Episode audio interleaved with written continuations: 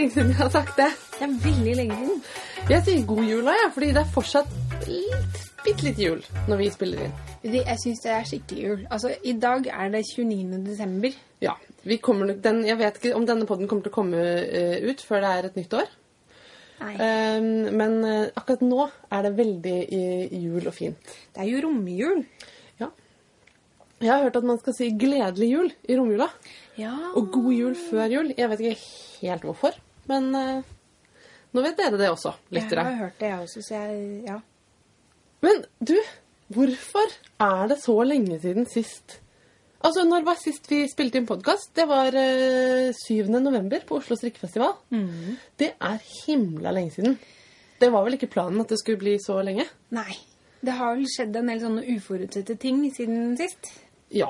Blant annet har jeg vært innlagt på sykehus. Ja. Det Fortell. var jo festlig. Var det Ikke, festlig? nei, vet du hva, det var eh, Jeg var rett og slett for syk til å strikke. Og da Det er jo ikke noe gøy. Da er jo hele poenget med å være syk borte. Ja. Jeg har hatt hjernehinnebetennelse. Det, jeg, var, jeg følte meg litt sånn Dagen etter strikkefestivalen var jeg litt sår i halsen. Tenkte at det var fordi at det tjatra så vanvittig hele dagen. Og så fikk jeg eh, penicillin for streptokokkinfeksjon den 10. november. Og så tok det bare noen dager, gitt. Og så ble jeg lagt inn på hjernehinnebetennelse. Og så lå jeg der helt til jula, liksom. Eller ikke, altså, ikke hele jula, men inn i desember. Så det var kjedelig. ja. Men jeg ble frisk. Og det var en, eh, det var en lytter som, som sendte meg en e-post mens jeg lå på sykehuset og sa at hun hadde ligget på sykehuset med viral meningitt, altså virusbetinget hjernehinnebetennelse, og eh, sa liksom det var kjempefælt, og jeg håper at det går bra med deg. Og sånn. Og jeg har ikke fått svart deg, men det var kjempehyggelig. Jeg ble så glad for den e-posten. Jeg, bare- jeg har tatt helt uh, fullstendig sånn uh, digitalfri. Fordi med en gang jeg fikk Altså når jeg ble dårlig, så var det sånn at bare jeg så på mobilskjermen, så fikk jeg akutt vondt i hodet. Jeg klarte ikke å forholde meg til det i det hele tatt.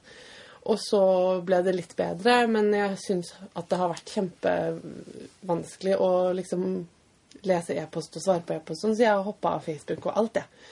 Jeg gjør Instagram med telefonen min litt.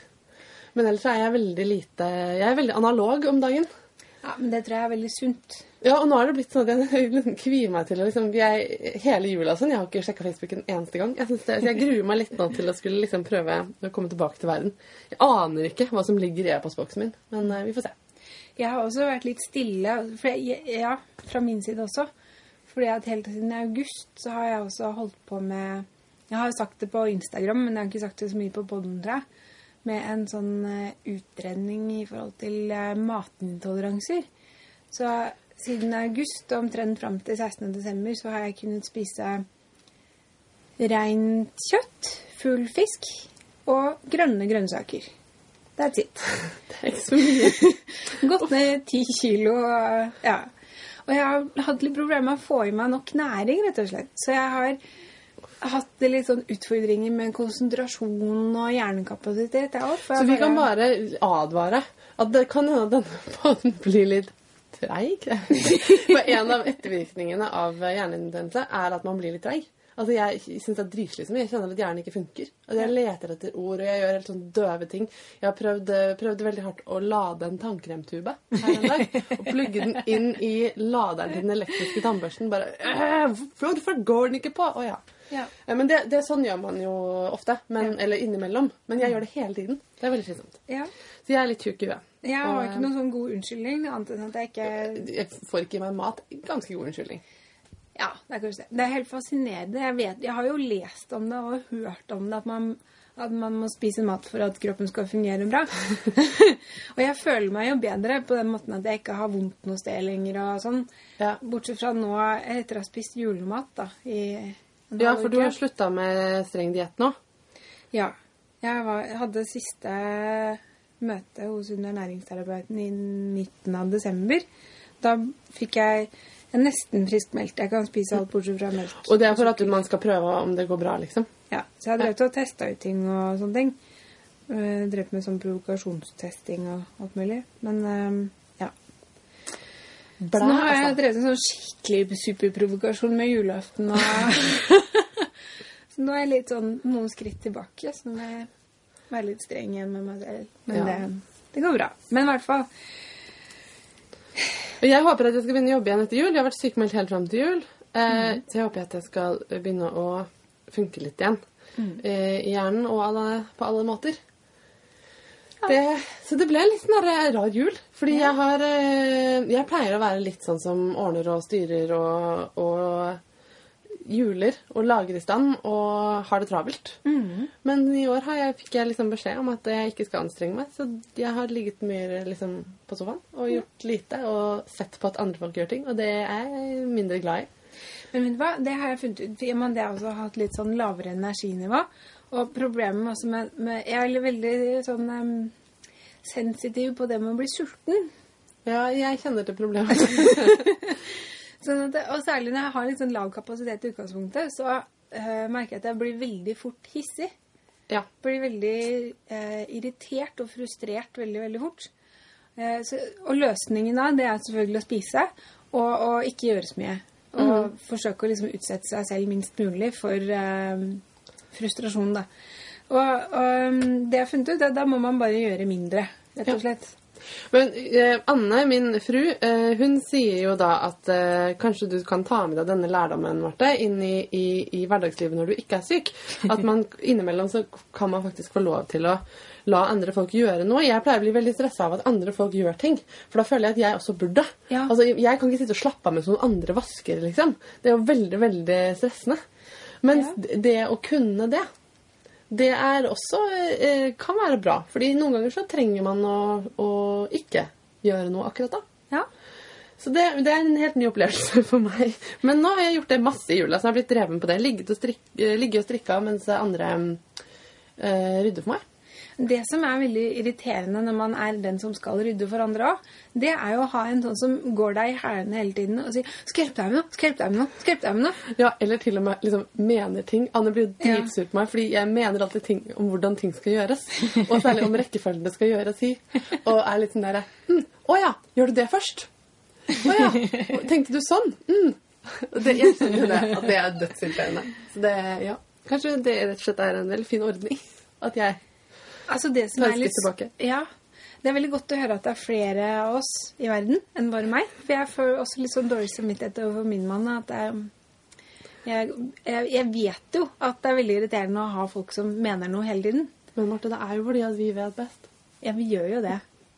Men, det- men vi er jo eksepsjonelt smarte også, Marte. Ja. Så det er klart at det Det er det. Men eh, det som også er en lærdom, som er nesten litt skummelt, da, det er jo å, si eh, å faktisk se at verden går Ja. rundt av seg selv. Ja, det ble jul. Uten oss. Det ble jul allikevel. Ja. Det blei jo det. Ja. Jeg har hatt en skikkelig hyggelig jul. ja, jeg har også det. Fint, eh, med, fint med litt sånn lavt tempo, eh, egentlig. Ja. Vi har ikke hatt så veldig lavt tempo, holdt jeg på å si. Vi har hatt besøk av svigerfamilie fra Italia som har vært med og feiret norsk jul. Og det har vært eh, veldig, veldig hyggelig. Men jeg kjenner jeg er, bare, jeg er veldig sliten i hjernen nå av å ha snakket tre språk. Ja. Eh, de fleste av døgnets timer i eh, fire dager. Ja, intenst. Ja, veldig intenst. Særlig når man ikke kan italiensk, liksom, egentlig. Jeg, bare, jeg snakker sånn late som språk. Jeg, jeg, blir for, jeg blir forstått, men eh, det er, ikke så, det er en utfordring. Bedre enn hva jeg er på italiensk. Jeg kan bare armbevegelsene. Vi har hatt, eh, og, har fremdeles i eh, opptakende øyeblikk, Derry på besøk fra Canada. Eh, skal eh, nevne litt mer om han om et øyeblikk. Eh, det har vært hyggelig. Og min svigermor har også vært her. Og det har vært Ja, er, noen har vært litt sånn småsyk hele tiden, så det har vært litt sånn lavt tempo. Barna leker med Play-Doh. Ja. Ja. Men veldig fint, altså. Har du fått noe strikke- eller garnrelatert til jul? Vet du hva? Julaften. Altså, Robbie og jeg vi klarte ikke å holde oss helt til julaften. sånn at det er bitte lille julaften, da åpnet vi hverandres julegaver. Nei! Juks! Men det var ikke bare min skyld denne gangen. Det var også Robbie. Han var så utålmodig. Sånn at det, Da vi satt der på julaften, den kuleste gaven den hadde vi allerede åpna. Og så satt de der da, og det eneste vi fikk, det var ting til oss sammen eller Ja. til leiligheten. Og det er veldig hyggelig, og vi fikk bare fine ting. supert. Vi fikk ikke veldig mye, fordi at i familien min så har vi funnet at vi må begynne å liksom snevre litt inn. Det blir for mye ting. Ja. Det er jo ikke det jula handler om. Nei, åh, det er i hvert fall ikke det den burde handle om. Ja, men eh, Marte, eh, fem år, som da satt der på julaften, ble jo litt snurt for at hun ikke fikk noen ting å leke med. Nei, jeg skjønner. Ja, helt til den aller siste pakken som ble eh, pakket opp. Den var til meg. Og det var Dales eh, retro-oppskrifter, eller eh, hva det heter. Jeg husker ikke hva boka heter, men eh, den Ja, nyeste boka som. Dale Så har ut. fint. Ja, Det var flott. da ble jeg veldig fornøyd. Jeg tror ikke jeg fikk noe Jo, jeg fikk et par eh, sokker som min mor har strikka. Ja. Og et par tøfler som min og Tove har to par tøfler til hele familien. Og de er, jeg har ikke tatt de av siden julaften. Uh, for de er så deilige. Altså, jeg har tatt de på meg når jeg har gått ut. Er. Eller faktisk, når jeg var hjemme hos mine foreldre, for vi feira jul der, så fant jeg ut at de passa perfekt oppi crocsene til pappa når jeg skulle ut og hente avisa og sånn. Så da har jeg bare beholdt tøflene på og tatt på crocs liksom jeg skulle rett ut og hente avisa eller noe sånt. Så, Herlig. ja, perfekt. Ja. Men, jeg er eh, i og for seg også veldig fornøyd med å se at vi flytta inn i den nye leiligheten i november. Ja, gratulerer med det. Ja, takk, takk. Og eh, veldig flott å se at naboene også går og tømmer søpla i tøflene sine. Ja. Da må vi også ut av huset. Altså inn en dør rett ved siden av. Ja. Ja. Er det bra i ny leilighet? ja. Ble det, ble det julefint? Det ble julefint. Det ble, jeg kjøpte juletre. Og eh, alt mulig julepynt. Og så, ja, det var utrolig hyggelig, kom da svigermor med en pakke. Det var nesten det jeg satte mest pris på alt vi fikk. Med sånne juletreornamenter som Robbie oh. hadde da han var liten gutt. Oh, så de er liksom mer enn 30 år gamle. Oi, så gøy. Og det var liksom eh, Altså, de er laget av tre, og så er de malt, og så er det alt mulig rare slags figurer, som for eksempel Nøtteknekkeren. Og eh, engler og tog og Å, det høres koselig ut. Veldig koselig Og jeg er en juletre-fantast. Ja. Da jeg var liten, så så juletreet alltid ut som søple, en søppelhaug. Vi, vi pleide liksom å lage sånn nobbeperleting og Ja. henge opp. Og vi, jeg tror til og med vi liksom tegna tegninger og hang dem på juletreet. Og det var liksom dorullnisser og hei og alt skulle på det treet. Eh, sånn, det er litt, mer, litt mindre nå. Um, men eh, nå har jeg jo to barn som snart begynner produksjonen for alvor. Ja. Ja, ellers så ga jeg en, en strikka presang. Jeg strikka en lue til Anne som jeg ikke kunne liksom Instagramme eller noe sånt. Fordi at den øh, Ja, fordi hun hører jo på podden, følger meg jo på Instagram. Ja. Men den strikka jeg faktisk mens jeg var syk, og den tok når jeg begynte å bli frisk igjen, da. Og den tok ekstremt kort tid, fordi Eller det gjorde den sikkert egentlig ikke. Det var bare at jeg var helt alene hele dagen mens alle andre var på jobb og i barnehagen og hadde streng beskjed om å ikke gjøre noe, bare slappe av. Så da strikka jeg. Men det, hun tåler jo ikke ull rett på huden, så jeg har strikka en sånn skikkelig tradisjonell rød strikkelue med sånne selvbusjerner på. eh, Åttebladsroser. Um, og så har jeg rett og slett plukka opp masker nederst på vrangbågskanten og strikka videre den feil vei i bomullsgarn. Sånn at det er et fôr på innsiden. Sånn, ikke. Er lurt. Og nå tenker alle som hørte forrige episode også at ja, det var akkurat det Martes familie trengte. En lue til. Og da kan jeg meddele om at den totale summen av nye luer som ble familien til eie på julaften, det var syv. Åtte hvis man teller med den lua som jeg strikka til dokka til Tomine. Så der, eh, selv om jeg ga én lue til Fretex i høst, så fikk vi da syv nye nå. Ja. Den lueskuffen ble ikke tommere akkurat. Men jeg, jeg har sett lua, og den er veldig, veldig fin. Og det er klart at man må, alle må ha en sånn fin rød lue med hvit lyst på. Ja, jeg syns egentlig litt det. Ja. Men du, eh, nå har vi snakka litt om eh, siden sist. Ja.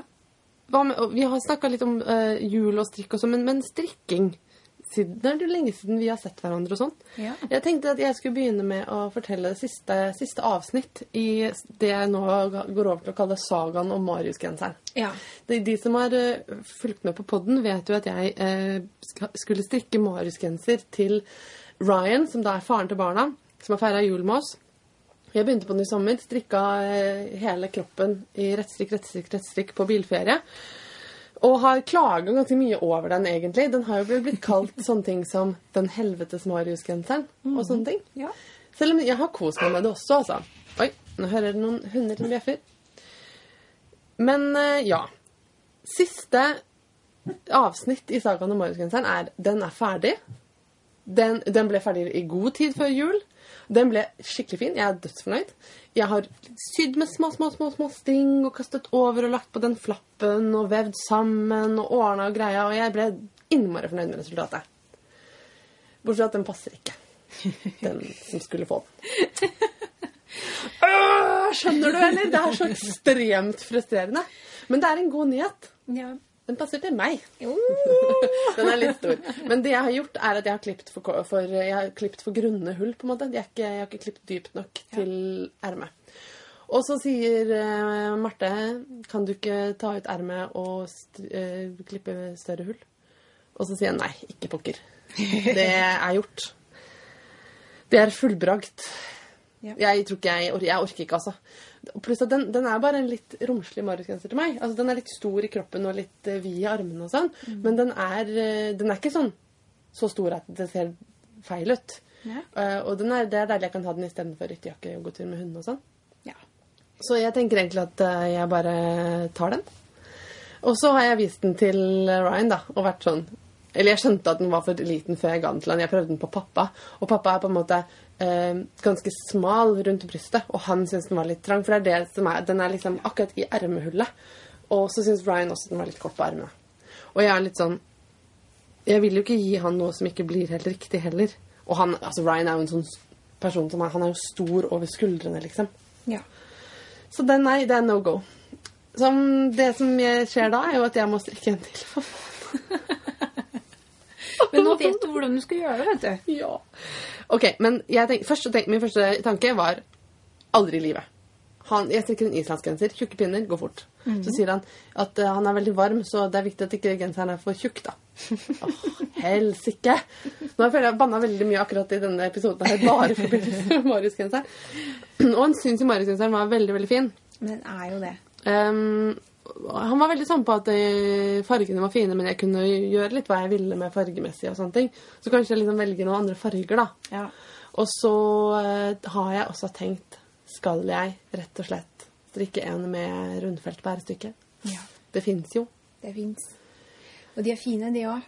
Det er så fint på sånne menn med breie skuldre med den derre drop shoulder-greia. Ja. Den klassiske. Jeg syns det er så pent.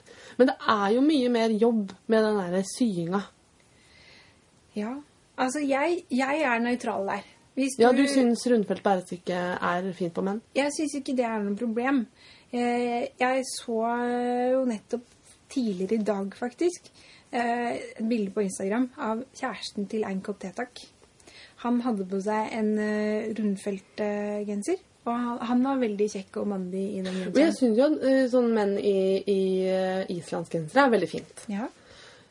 Så kanskje jeg bare skal uh, gjøre det. Jeg syns du skal være snill med deg selv og, og gjøre Du gjør jo jobben litt enklere for deg selv.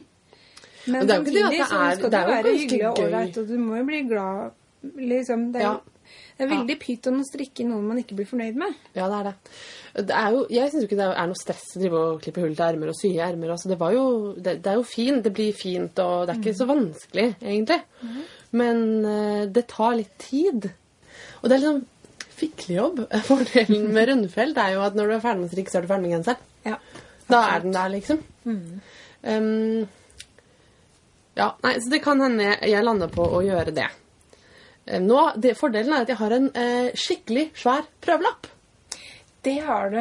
Og jeg vet med akkurat hvor den genseren ikke passer ordentlig. Ja. Så det jeg kommer til å gjøre neste gang, det er at jeg kommer til å strikke eh, egentlig samme størrelse. Men jeg kommer til å forlenge ermene litt og definitivt klippe større hull Nei, jeg kommer ikke til å klippe større hull da. Jeg kommer til å strikke den rundt. Jeg er vel mer eller mindre bestemt nå. Og så kommer jeg Jeg lurer på om jeg rett og slett skal strikke på liksom en halv eller kanskje bare en kvart størrelse større pinner når jeg strikker flerfargemønstre. Ja. Jeg strikker nemlig mye strammere når jeg strikker flerfargemønster enn når jeg strikker enfarga. Det er veldig vanlig. Det vil jeg tro. For det er veldig lett å gjøre, fordi man drar til litt den tråden bak og sånn. Og jeg har faktisk sett noen oppskrifter som sier at det skal gå opp en halv pinnestørrelse når man eh, begynner å strikke der. Ja. For at det skal bli Så jeg, jeg har tenkt at enten så må jeg strikke Altså ikke mariusgenser, men f.eks. Um, um, en sånn med lus på hele. Eller sånn, sånn at jeg strikker flerfargestrikk på hele.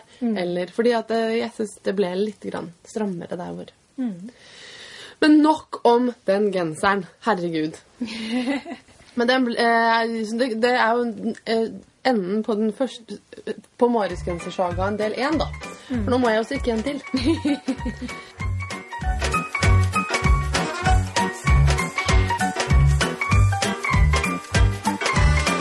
Men jeg har fått strikka ferdig en del ting også. Men det har vært for etter hvert så klarte jeg å strikke igjen. Jeg har strikka ferdig min singelinge langjakke. Den har vært på Instagram. Jeg har den på meg akkurat nå. Er kjempegøy. Jeg har plassert knappene litt feil, det har jeg skjønt. Fordi de burde vært plassert lenger inn på knappebåndet, fordi nå drar de liksom seg åpen. Um, men det er en enkel sak å flytte, og jeg har den egentlig mest oppknappa. Veldig fornøyd. Strikka et rillestrikka sjal av det ene kontrastfargegarnet, bare for å bruke opp det. Eh, og nå sitter jeg og strikker på et par pulsvarmere av den andre kontrastfargen. Men du, er det sånn at det er, jakka er jo blå, Ja. og så er det gule geiter? Gule geiter og noen grønne sånne sikksakker og krimskrams rundt. Ja, men det er bare de grunne, grønne Ja, det er veldig lite av det grønne. Ja. Og egentlig er det jo tre farger på, i mønsteret. ja, Eh, Men det har ikke jeg. Jeg ville bare ha de. det er veldig fine. Men jeg er veldig, jeg, det er veldig deilig å ha på seg. Jeg er, fortsatt ikke på en måte mohair-konvertitt. Men jeg syns det var Det er godt garn, altså. Det er ikke for fluffy. Det liker jeg. Ja, jeg, min har, det som jeg har strikket av garn fra mm, Jeg strikka jo i marigarn, og du har strikket av fager. Uh, nei, eh, Symre. Symre, ja. For marigarnet, det fluffer seg opp og blir sånn silk mohair-fluffy nesten. Mari er vel det Er Mari det Det er liksom baby-mohair-garnet. Mens eh, ditt er eh, litt grovere. Mm. Jeg tror kanskje at Så er det et enda grovere som heter pan. Ja. Men det Dette er telespinn-mohair vi snakker om da. Ja. Altså, ikke misforstå. Marigarden er helt vanvittig nydelig. Men jeg tror kanskje neste gang jeg, jeg skulle strikka en sånn jakke, at jeg ville valgt uh, Symre sånn som du. Ja, det er fint og Det er tynt. Um, så man må ha litt for at det ikke skal bli for glissent. Nå strikker jeg pulsvarmere på 2,5. Um, det syns jeg egentlig blir pent. Denne er strikka på, um, på tre. Men det fluffer seg vel litt opp. Ja, den gjør det. Den den ut eh, blomstrer, som det heter på engelsk. Ja. Blooms. Den fyller i hullene, liksom. Nå, ellers så strikker jeg på Akkurat nå for tiden strikker jeg på en brynja som jeg bestemte meg for eh, et par timer siden for at jeg skal rekke opp. det var et restegarnsprosjekt. Nok en gang begynte jeg på et restegarnsprosjekt som krever at jeg går og kjøper mer garn for å bli ferdig med det. Mm. Det blir liksom for dumt. Så jeg rekker den opp. Og så får jeg heller strikke noe annet. Og så er jeg snart ferdig med Gullfuglen votter fra Votter fra Eventyrskogen-boka, som Karin skal få, i bytte mot en fantastisk fin nålebundet tevarmer som jeg har fått. Det fine håndverksbyttet som du snakket om i en tidligere episode. Yes. Har du noe eh, strikking å berette om? Hva strikker du på nå? Du, akkurat nå så har jeg lagt opp til en lue som jeg skal gi bort i bursdagsgave til en som har bursdag i januar. Det blir mer dotter. Selvfølgelig. Nå er det lenge siden dottergenseren, eller jeg har kommet meg litt over den. eh, Det var, den det, jeg synes at det, for meg så var det litt tilsvarende din Marius-gensersaga. Det var dottergensersagaen. Dottene som ingen ende tok. Ja. Men jeg lærte jo å strikke dott, som jeg nevnte i forrige episode. da. Jeg lærte å strikke dotter baklengs, og det er Ja. en verden av forskjell. Så nå har jeg veldig store planer for Hvordan er det veien av forskjell fra hva? Hva mener du, liksom? Ok, man kan, altså Når man strikker dotter, så strikker man jo flere ganger inn i samme maske. Mhm. Så snur man, strikker tilbake, så snur man, strikker eh, fram en runde til, og snur og strikker en tredje runde. Og så til slutt så snur du en gang til, til du er tilbake på rettsida. Ja. og så strikker du alle maskene sammen. Da får du en sånn, det er gjerne en sånn femmaskersdott som man strikker fem ganger, fem runder da. Ja. Og det med å drive og snu strikketøyet fram og tilbake hele tiden, det tar litt tid. Det er liksom en ekstra bevegelse. Altså, man, man, ja. man liksom mister tak i strikkpinnen og garn, og så Ja. Så du strikker baklengs? Ja. Ah, Det er det er jo helt genialt. Sånn at du bare når du har strikka forbi dotten, så strikker du bare baklengs over dotten, og så strikker du bare over dotten, og så strikker du baklengs over dotten. ja. Så du strikker bare zup, zup, zup, zup.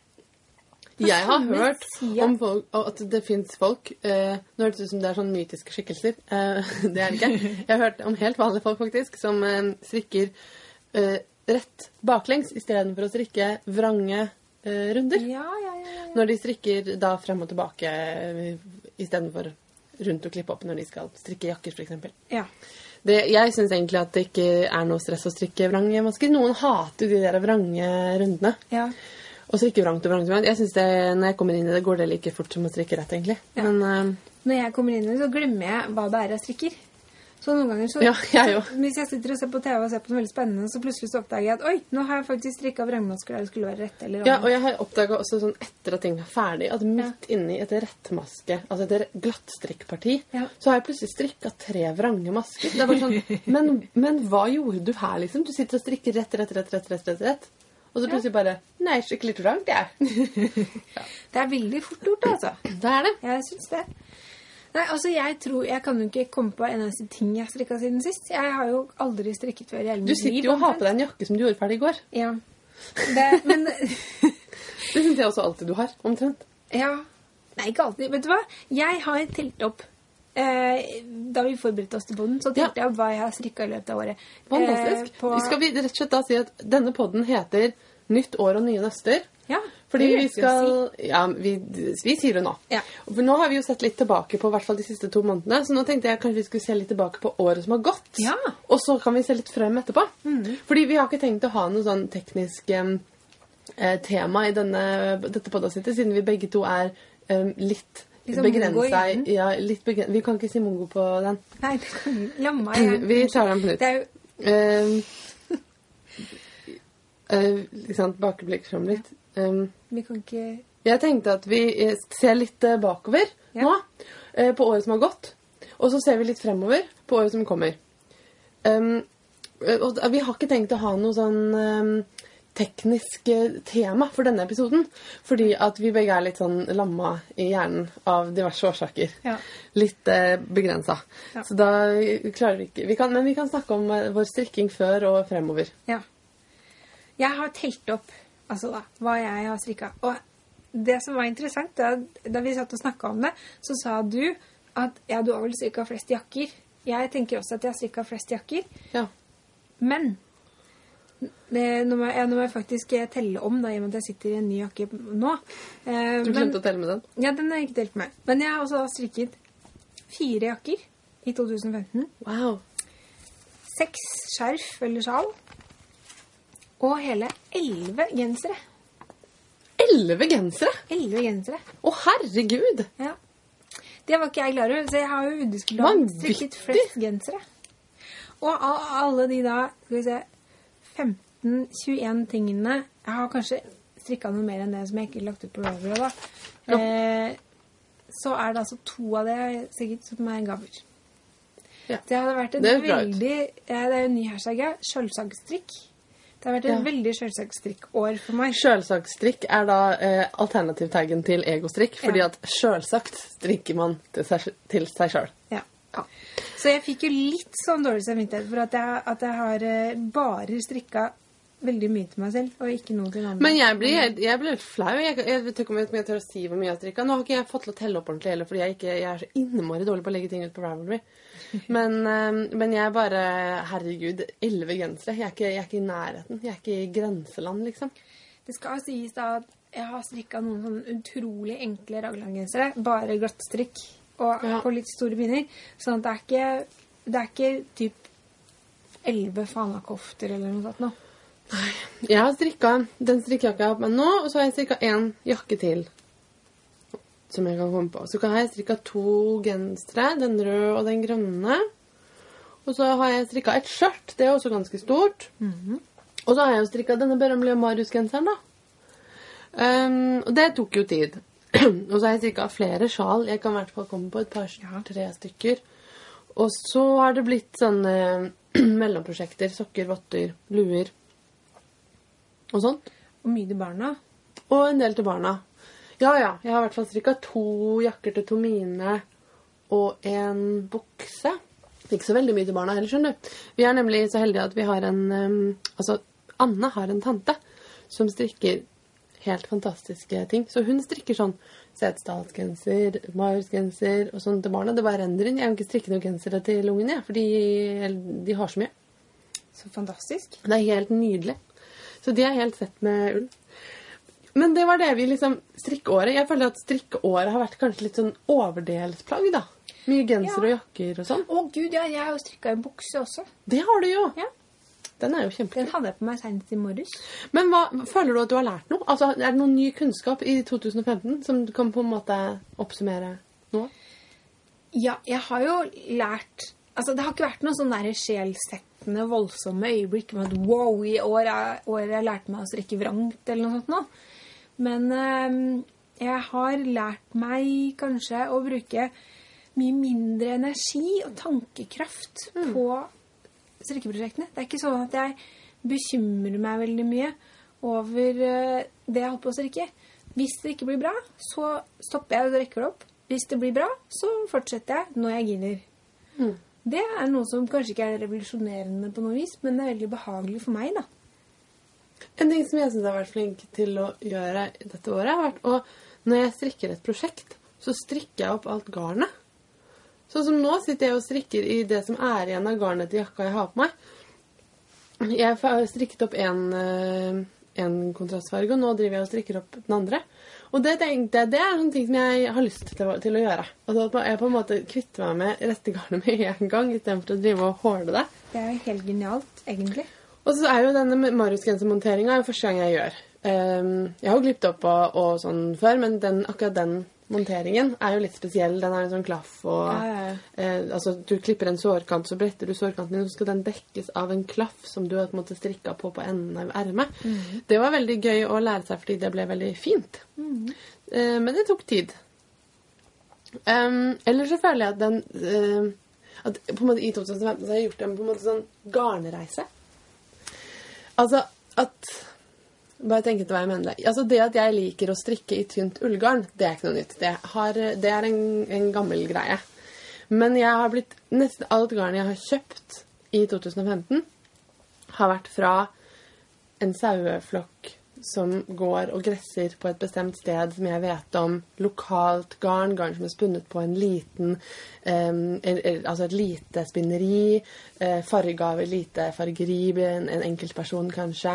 Jeg har kjøpt garn fra Selbu spinneri, jeg har kjøpt garn fra Telespinn, jeg har bestilt garn fra Nina Petrina som farger oppe i Nord-Norge. Og jeg har kjøpt garn på eh, Ørland. Og jeg har kjøpt eh, Romney-sauegarn i en lokal garnbutikk i Kent i England. Og det er sånn, der kjenner jeg at jeg er litt nå. Jeg tror at det er sånt garn jeg vil kjøpe. Ikke masseprodusert garn Altså Ikke at det er noe galt med det, men jeg føler at det, det er liksom der min garninteresse er nå. Jeg skal nerde skikkelig på garnkjøping i fremtiden. Og det er så tilfredsstillende å strikke av. Man sitter og liksom nesten kjenner det dyret altså, mellom fingrene. Elsker det. Eh, Nå, når det er sagt, så har jeg akkurat også bestilt et lass med garn fra Pickles. De har nemlig ro- sånn romjulssalg. Ja. Ja. Nei, når jeg lå på sykehuset, så syntes jeg så innmessig synd på meg selv som ikke kunne strikke, så jeg lå og bare tenkte på hva jeg ville strikke når jeg kunne strikke. Og da var jeg sånn Jeg skal strikke en kjole! En svær kjole. Sånn at eh, da jeg kjøpte en haug med sånn um, Pickle Summer Wool. For da tenkte jeg at da blir den litt mer eh, sesong Mindre sesongavhengig. Ja. Men du det er jo økologisk bomull. Ja. Og ulla i den er også da eh, økologisk. Der ser du. Jeg overholder mine egne regler selv om jeg ikke vet det. Og det er en sånn kooperativ i å, husker jeg ikke, men Peru, tror jeg det er. Som Ja. lager det, som sysselsetter en hel liten landsby og bygger skoler og barnehager og sånne ting. Å, så god samvittighet jeg har. Ja, sånn at det er ikke det verste garnet å kjøpe det heller, altså. Nei, det blir bra. Det er mørkeblått. Det, blir, eh, det gleder jeg meg til å strikke. Men da, da føler jeg eh, Eller en ting til med året som har gått. Ja. Du, Marte, podden er et år. Å, guri, ja. Ja, Det er fordi den første podden spilte vi inn i jula i fjor. Gratulerer med Gratulerer. ettårsdagen. Ja. Hvordan syns vi dette har gått? Ja, men det har gått strålende. Det har vært veldig, veldig gøy. Ja. Altså, det er, en, det er liksom to ting som er veldig fint. Um, eller Jeg føler at podden er en sosial ting. Ja. Ja, det er veldig sosialt i forhold til lyttere. Det er veldig, veldig, veldig gøy å høre fra alle dere som hører på podden. Jeg føler at jeg har fått masse nye eh, venner og bekjentskaper, og bare veldig mye hyggelig kontakt da, med folk som ja, sier ting, ønsker seg ting, gir kommentarer på ting, irettesetter oss når vi sier eh, feil og eh, fryktelige ting og sånn. det har ikke vært så mye. Men eh, det er veldig koselig. Og gøy å være på Oslo strikkefestival og møte folk som sier 'Å, hei, er det dere som er Marte og Marte?' Det er jo kjempemorsomt. Ja, det er kjempegøy. Det er like gøy hver gang.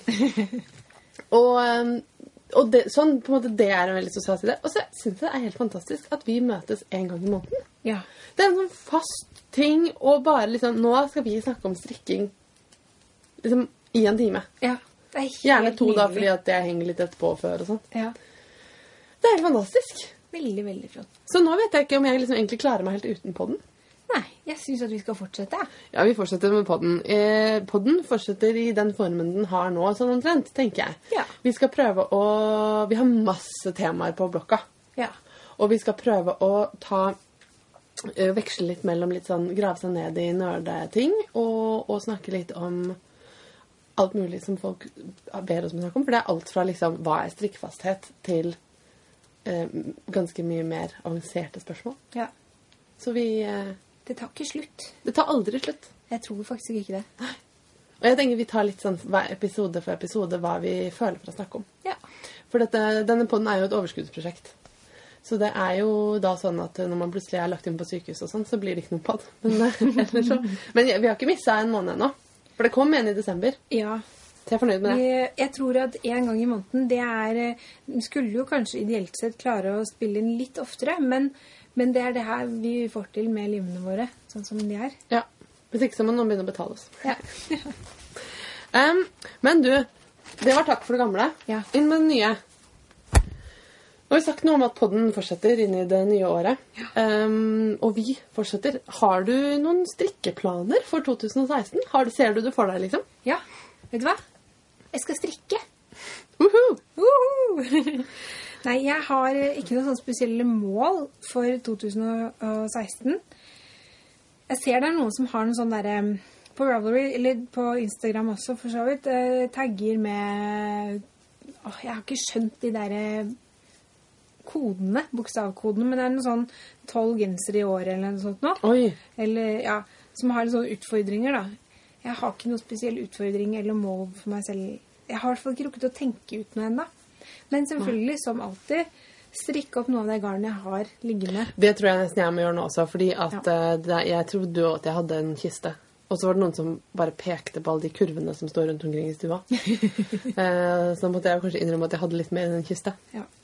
Nå som jeg har flytta og rydda alle klærne mine, eh, og rensa, rydda ut litt, rensa litt opp også i kleshaugen, så må jeg også bare innse at um, vi har kjøpt nye garderober. Garderobeskap satt opp. Jeg har fått min, min egne skap. Det begynner å bli fullt med strikkeklær. Problemet er bare at jeg, jeg har så mye mer strikkeklær enn noe annet. Jeg har ehm, ganske mye strikkeklær nå.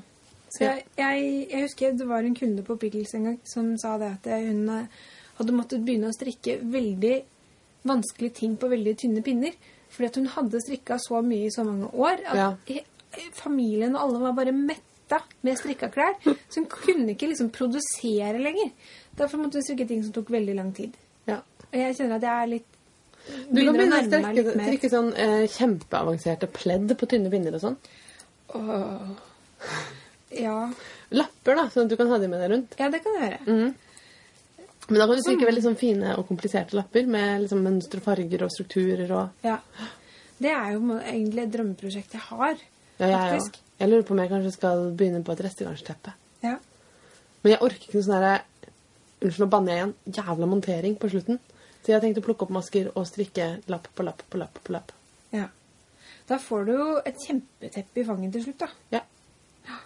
Da håper jeg at det er vinter når jeg er på slutten. jo, men altså, dette er jo ikke noe som må bli ferdig på tid, liksom. Men hvis jeg skal ha et forsett i det hele tatt, så må det være å fortsette med den her oppstrikkinga av restegarn. Sånn, ikke sånn restegarnsprosjekter, men sånn underveis. Ja. Altså at jeg på en måte bruker opp garnet jeg har kjøpt til et prosjekt. Ja, det høres veldig lurt ut. Jeg syns det er fantastisk. Jeg skjønner ikke at ingen har snakket om det før. Jeg vet jo, det er faktisk ikke jeg heller. For nå får jeg genser og sjal og pulsvarmere. Ja, helt Og hvis jeg har en liten bit til, så kan jeg lage et øh, vet ikke, En liten nesevarmer. Vet du hva, Marte? Det du må gjøre da, som du faktisk her og nå binder deg til, er at du må informere oss alle om hva slags prosjekter du lager da etterpå, så at Ja. vi alle kan få litt inspirasjon. Ja, det skal jeg gjøre. Skal jeg, lage, jeg skal lage en uh, hashtag på det, Ja, gjør det. eller noe. Marte bruker opp rester. Eller eh, rester etter hvert. Ja. Noe sånt. Vi er fine på noe. Jeg skal instagramme det. Det blir bra. Jeg har, jeg har en tanke også, som jeg har tenkt på til nå, men som jeg ikke har liksom bestemt meg for. Men kanskje jeg må bestemme meg her og nå, da. Det er altså det at jeg er veldig glad i flerfargestrikk. Altså, jeg syns det ser veldig fint ut. Jeg faller veldig lett for det, for jeg elsker farger og Men du har ikke gjort så mye. Nei, jeg hater det. Jeg synes det er, eh, vi jobber veldig dårlig sammen, flerfargestrikk og jeg. Men jeg lurer på om kanskje 2016 er det året hvor jeg skal prøve å lære meg det. Lære deg å elske det. Fordi det er faktisk ganske fint og gøy. Jeg liker det godt. Jeg tror kanskje det at det er noen teknikker jeg ikke kan, eller noe jeg har skjønt, liksom. At det er noen sånne lure tips Holder du maske, nei, liksom hovedfargetråden og den andre tråden riktig og sånn? Nei, det gjør jeg sikkert ikke. Nei, fordi det er faktisk ganske lurt. Jeg slurver med det hele tiden. Og ble veldig flau da noen på strikkefestivalen påpekte det. Eh, jeg bare Ja, ja! Må du se så nøye på det jeg gjør, da? Men eh, det er, eh, det er faktisk ganske smart å holde styr på det. Hvilken tråd som du holder hvor. Fordi det blir mye penere, og du lar være å dra det til så veldig. Ja, for det er det som irriterer meg. Det, det går Nøstene de vaser seg inn i hverandre, og så strammer det seg til for mye på baksiden, og så glemmer jeg å, å surre det opp, og så bare blir alt rot, og så bare er det så mye deiligere å strikke en sånn kimonojakke og riller. Bare ja. i stedet. Jeg strikker veldig lite sånt. Kanskje jeg skal prøve å strikke litt grann sånne ting, bare for å liksom, få litt tempo. Og så kan det være at jeg skulle vurdere å strikke noe ensfarga grått. Jeg tenkte jo det, Nå har jeg strikka en burgunderjakke som jeg sitter og har på meg. Nei, men en til? Ja. Men dette er en annen rødfarge i bunn enn den jeg Ah, pleier å jeg bruke. Ja. Men uh, det er kimono av, av Biggles, fra Biggles, som er veldig myk og varm og god. Og så mens jeg satt og strikka den, så jeg strikket av merino tweed og silk mohair. Og den merino tweeden, det er den nye rødfargen som er litt rødere, mer sånn vinrød. Veldig fin. Og så kom jeg på at kanskje jeg skulle strikke en sånn boblegenser som Biggles har, bare yeah. som jakke. Og med vinrød og korallknæsj angora. Herregud. Dødsbra! Det høres eh, ikke ut som et grått prosjekt, Nei, som var det- du begynte med. Ja. Så Det var det jeg også tenkte på da jeg satt og planla liksom, hvordan jeg skulle gjøre dette her, og legge det opp og sånn. I tankene tenkte jeg jeg skulle kanskje ikke ha noe som er neonrosa. Men hvorfor ikke? Skjønner. Nei, hvorfor ikke? Nei. Jeg syns du skal strikke det som gjør deg lykkelig. Ja. Um, mitt strikkeår, 2016, er Det er altså kjedelig mye ting som ligger der som jeg må strikke. Som ikke er Som ikke er sånn lyststrikk til meg sjæl. Ja. Jeg må jo strikke en Marius-genser til. Bare for å si det en gang til, at jeg må strikke en Marius-genser til. Um, kanskje jeg dropper det. Kanskje jeg strikker et annet mønster enn Marius. Han ser jo ikke forskjell. Herregud. Nei, det gjør nok ikke. Han gjør ikke det, det skal jeg love deg. Men um, en annen ting. Min far fyller 60 år. I mai. Ikke en Marius-genser til han òg? Nei, jeg, jeg ville strikke noe til han, så var jeg så dum at jeg spurte liksom hva han på en måte kunne tenke seg eller trengte, eller noe sånt. Så var han litt sånn Nei, han har liksom alt han trenger av strikketing, og det har han jo. Mamma strikker jo som bare det. Men det eneste var Han kunne tenke seg kanskje liksom en cardigan i litt sånn tynt, tynt garn. Ja. Og jeg bare Herregud. ja. Herrestørrelse cardigan i tynt garn. Er du klar over hvor lang tid det tar, liksom? Han vil, så jeg har bestemt meg for at det får han ikke. Men han må få noe annet. Eh, så jeg har litt eh, tenkt på litt ymse ting som man skal få. Jeg kan ikke snakke om det i poden, fordi vår, min far er jo en av uh, lytterne våre. ja. Han er jo en av de lytterne våre som ikke strikker sjøl, men som allikevel hører på podkasten. Som jeg syns er et, et enormt kompliment. Ja, det, tusen, Jeg tror at han, han falt av litt grann når vi snakka om sånn form og felling og sånn. Ja. ja. Um, men, det skjønner jeg. Ja, Det det, skjønner jeg også. Men sånn som for eksempel nyttårspodden tror jeg at det er rett oppi, right up his street. Mm. Men ja, jeg vet ikke hva han skal få til seksårsdagen sin, men det blir jo et eller annet på tynne pinner da, som jeg får uh, drikke. Nei da, det blir fint. Og jeg har mye morsomt garn jeg kan bruke. Um, så, men det er da to herreplagg som skal strikkes i første halvdel av 2016. Da blir det ikke så mye mer første halvdel, da, kanskje. Nei, det, det kan hende det ikke blir det. Men ellers så ligger fremdeles mitt fantastiske Blueface Lester-garn i nydelig, nydelig sånn sjøblå, farga av Nina Petrina, og venter på meg på at jeg skal lage et sjal. Ja. Og jeg har jo lurt veldig på om jeg skal lage mitt systemisk funksjonelle lingvistikksjal av det garnet. Ja. Men det må jeg jo designe også. Jeg har så utrolig mange ideer til hvordan det skal se ut. Jeg klarer ikke å liksom lande noen ting. Det siste ideen nå kom jeg på midt på natta og bare våkna og var sånn Jeg må skrive det ned. Fordi at det handler om å bytte liksom Nei, begynne i den ene snibben, den ene tuppen, og strikke det sidelengs. Ja, Ja. ikke sant? Det er så mange ting man kan gjøre. Ja. Vet du hva, du må lage en hel kolleksjon, Marte. Kolleksjon. Ja.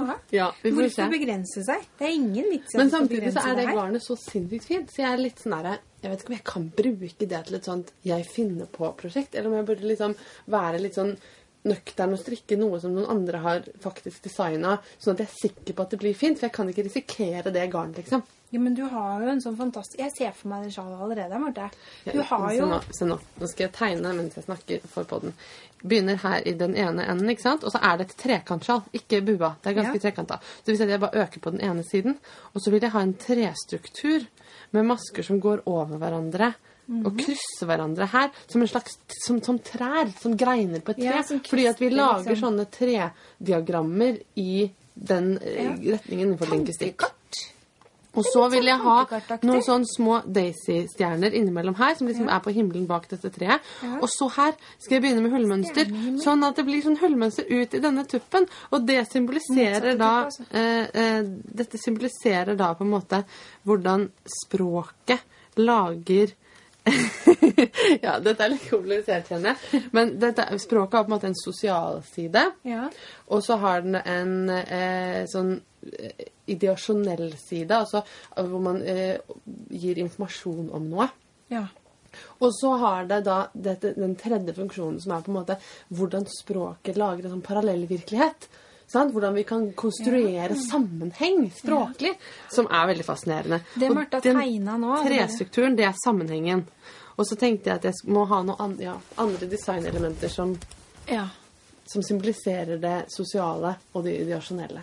Dere kan se for dere liksom bare kvister. Hvis man ser på et tre, et vintertre hvor du bare ser kvisten, hvor det liksom kommer kvister ut av kvistene og sånn, som bare mm. snirkler seg over sjalet, altså med sånne daisy-prikker innimellom. Det så veldig fint ut, Marte. Ja, men Det føltes nesten mer som en vinterhimmel men som en, eh, et lingvisti, en lingvistisk analyse. Men ja, vi får, vi får se hva det, hva, hvordan det blir. Men det er i hvert fall også en plan da for 2016. Jeg gleder meg veldig til å strikke det sjalet. Og så har jeg veldig lyst til å strikke ekstremt kronglete flerfargs... Altså Jeg har lyst til å strikke Fair Isle. Ordentlig Fair Isle. Shetlands Fair Isle, liksom. Med masse forskjellige brune og gråtoner. Ja. Og bare mm, smått, smått, smått. Altså, mamma og jeg var på Husfliden i Tønsberg, og så fant hun et gammelt mønster som hun har ønsket seg siden det kom ut. Og det mønsteret, etter eh, stilen på bildet å dømme, så kom det ut på 70-tallet en gang. Eh, sa, hvis du vil glede meg, Martha, så kan du strikke den genseren på meg. Åh, det er jo livsfarlig. Det er livsfarlig, og jeg må jo strikke den. Og så sa jeg litt sånn, litt, kanskje litt krast tilbake at mamma, det kan du glemme. Jeg strikker ikke sånn flerfargedrit, tror jeg faktisk jeg sa. Men Ja. jeg, jeg merker nå det er i den retningen det går. Altså dårligste, Ja. Jeg har 11 gens, nei, 10 gensere som jeg strikka til meg selv, og tre jakker og seks sjal. Altså, det er på tide at det, Det er på tide at du strikker kronglete flerfargsstrikking til din mor. Ja, det synes er jeg kanskje også. det. Ja. Men da kan vi ha sånne parallellforeldreprosjekter. Det er fint. Da kan vi ha sånn felles skjebne, felles trøst. Ja, det høres bra Er ikke det ut. bra? Sagaen om Sagaen om uh, foreldreflerfargstrikkingen. Ja. Vi kan ha et avsnitt som heter 'Foreldre og flerfargstrikking'. Oh, Ja, Der har vi det. der har vi det.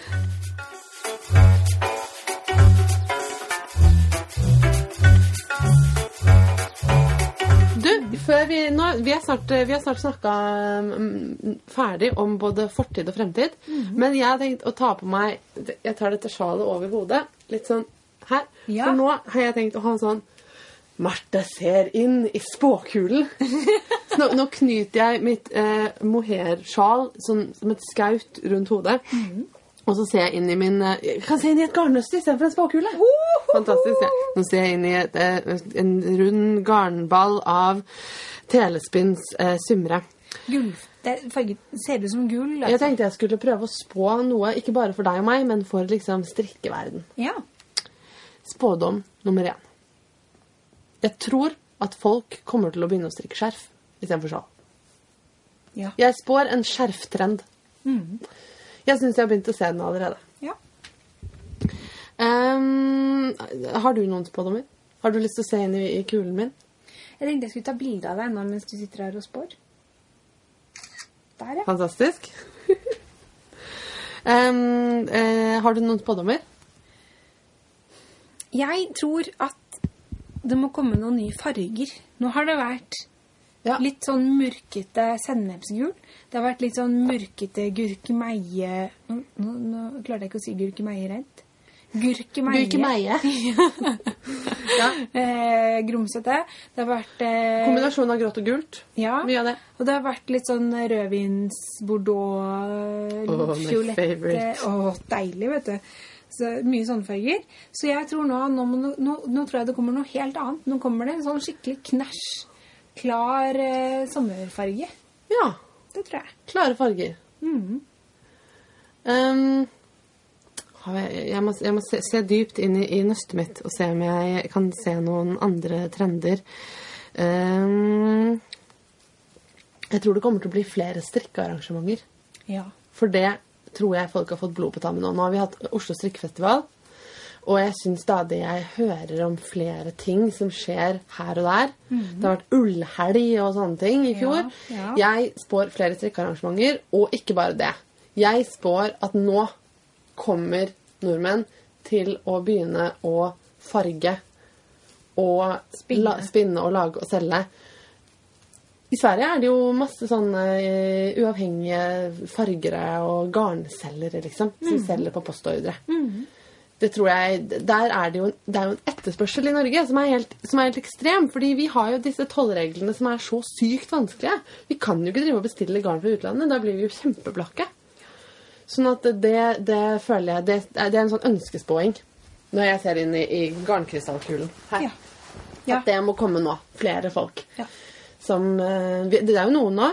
Oslo eh, Micro Diary har kommet i løpet av siste året, har det ikke det? Ja, Eller er det ja. lenger? Jeg vet ikke. Jeg er sannelig ikke sikker. Um, det er to sånne fargerier i Oslo. To? Ja, men jeg husker ikke hva det andre heter. Nei. Det kan våre lyttere informere oss om. Ja. Og så er det Nina Petrina oppe i nord. Jeg vet ikke om jeg vet om noen flere som farger og selger Nei. i Norge. Men eh, jeg, jeg tror det kommer til å komme mer. Jeg tror at eh, det er, vi har mye fin ull, mye fine sauer her.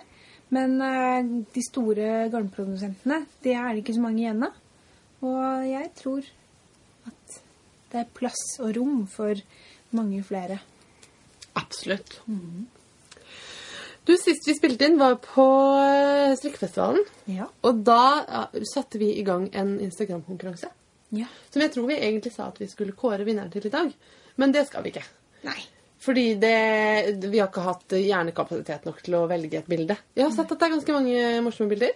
Ja. Eh, gøy å se. Men jeg syns dere skal fortsette å, å eh, ta bilder og legge ut det.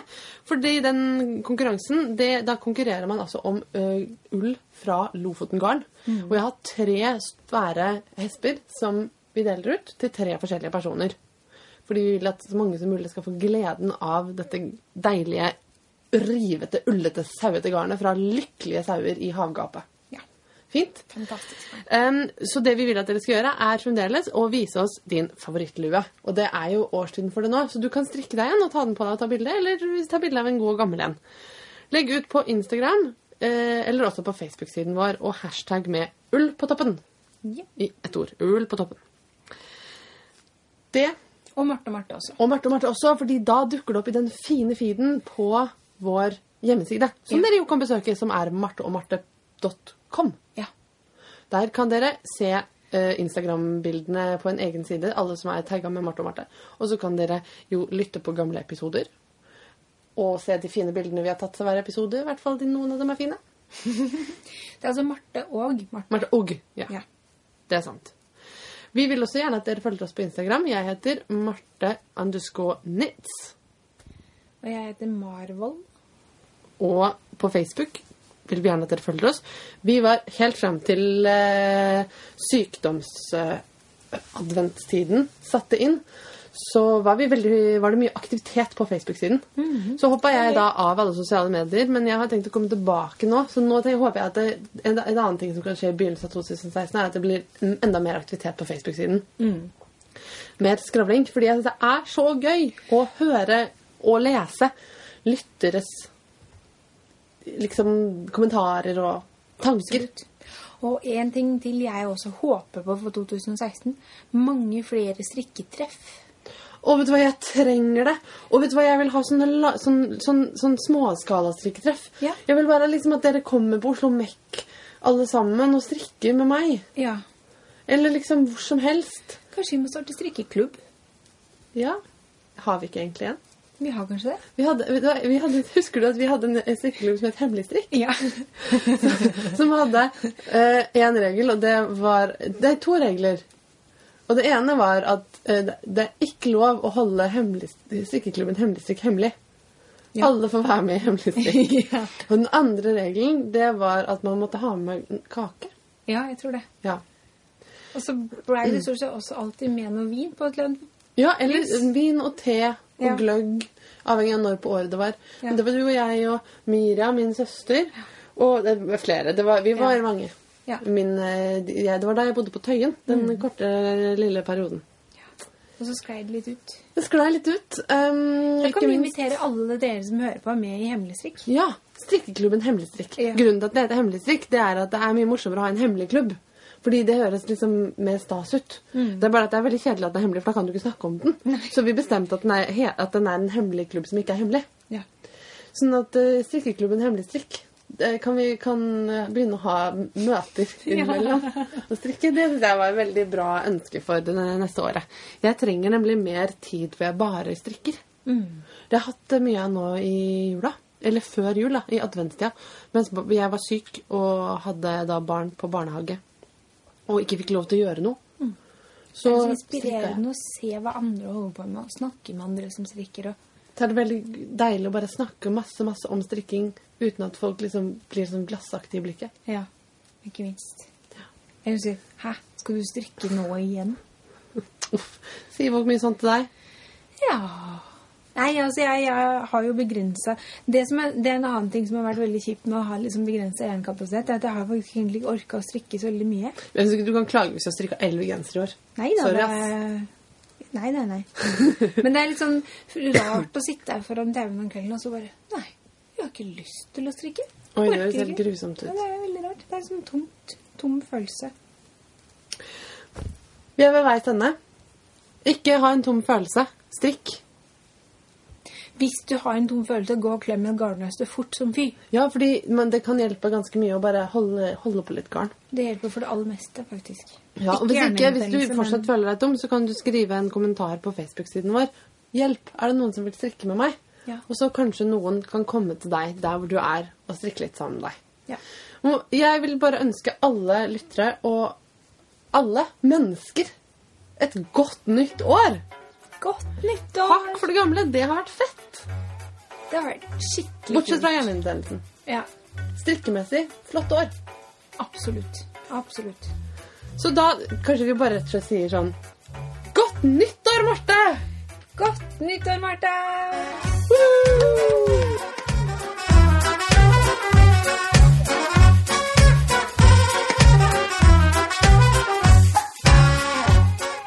Nå hører jeg at barn skriker, hunder bjeffer og sånn. Jeg tror det betyr at barna mine har kommet inn fra aketur. De spiller litt hjemme hos meg. Ja. Men vi bare fortsetter, og så eh, håper vi at eh, dere lever med det. Eller ikke.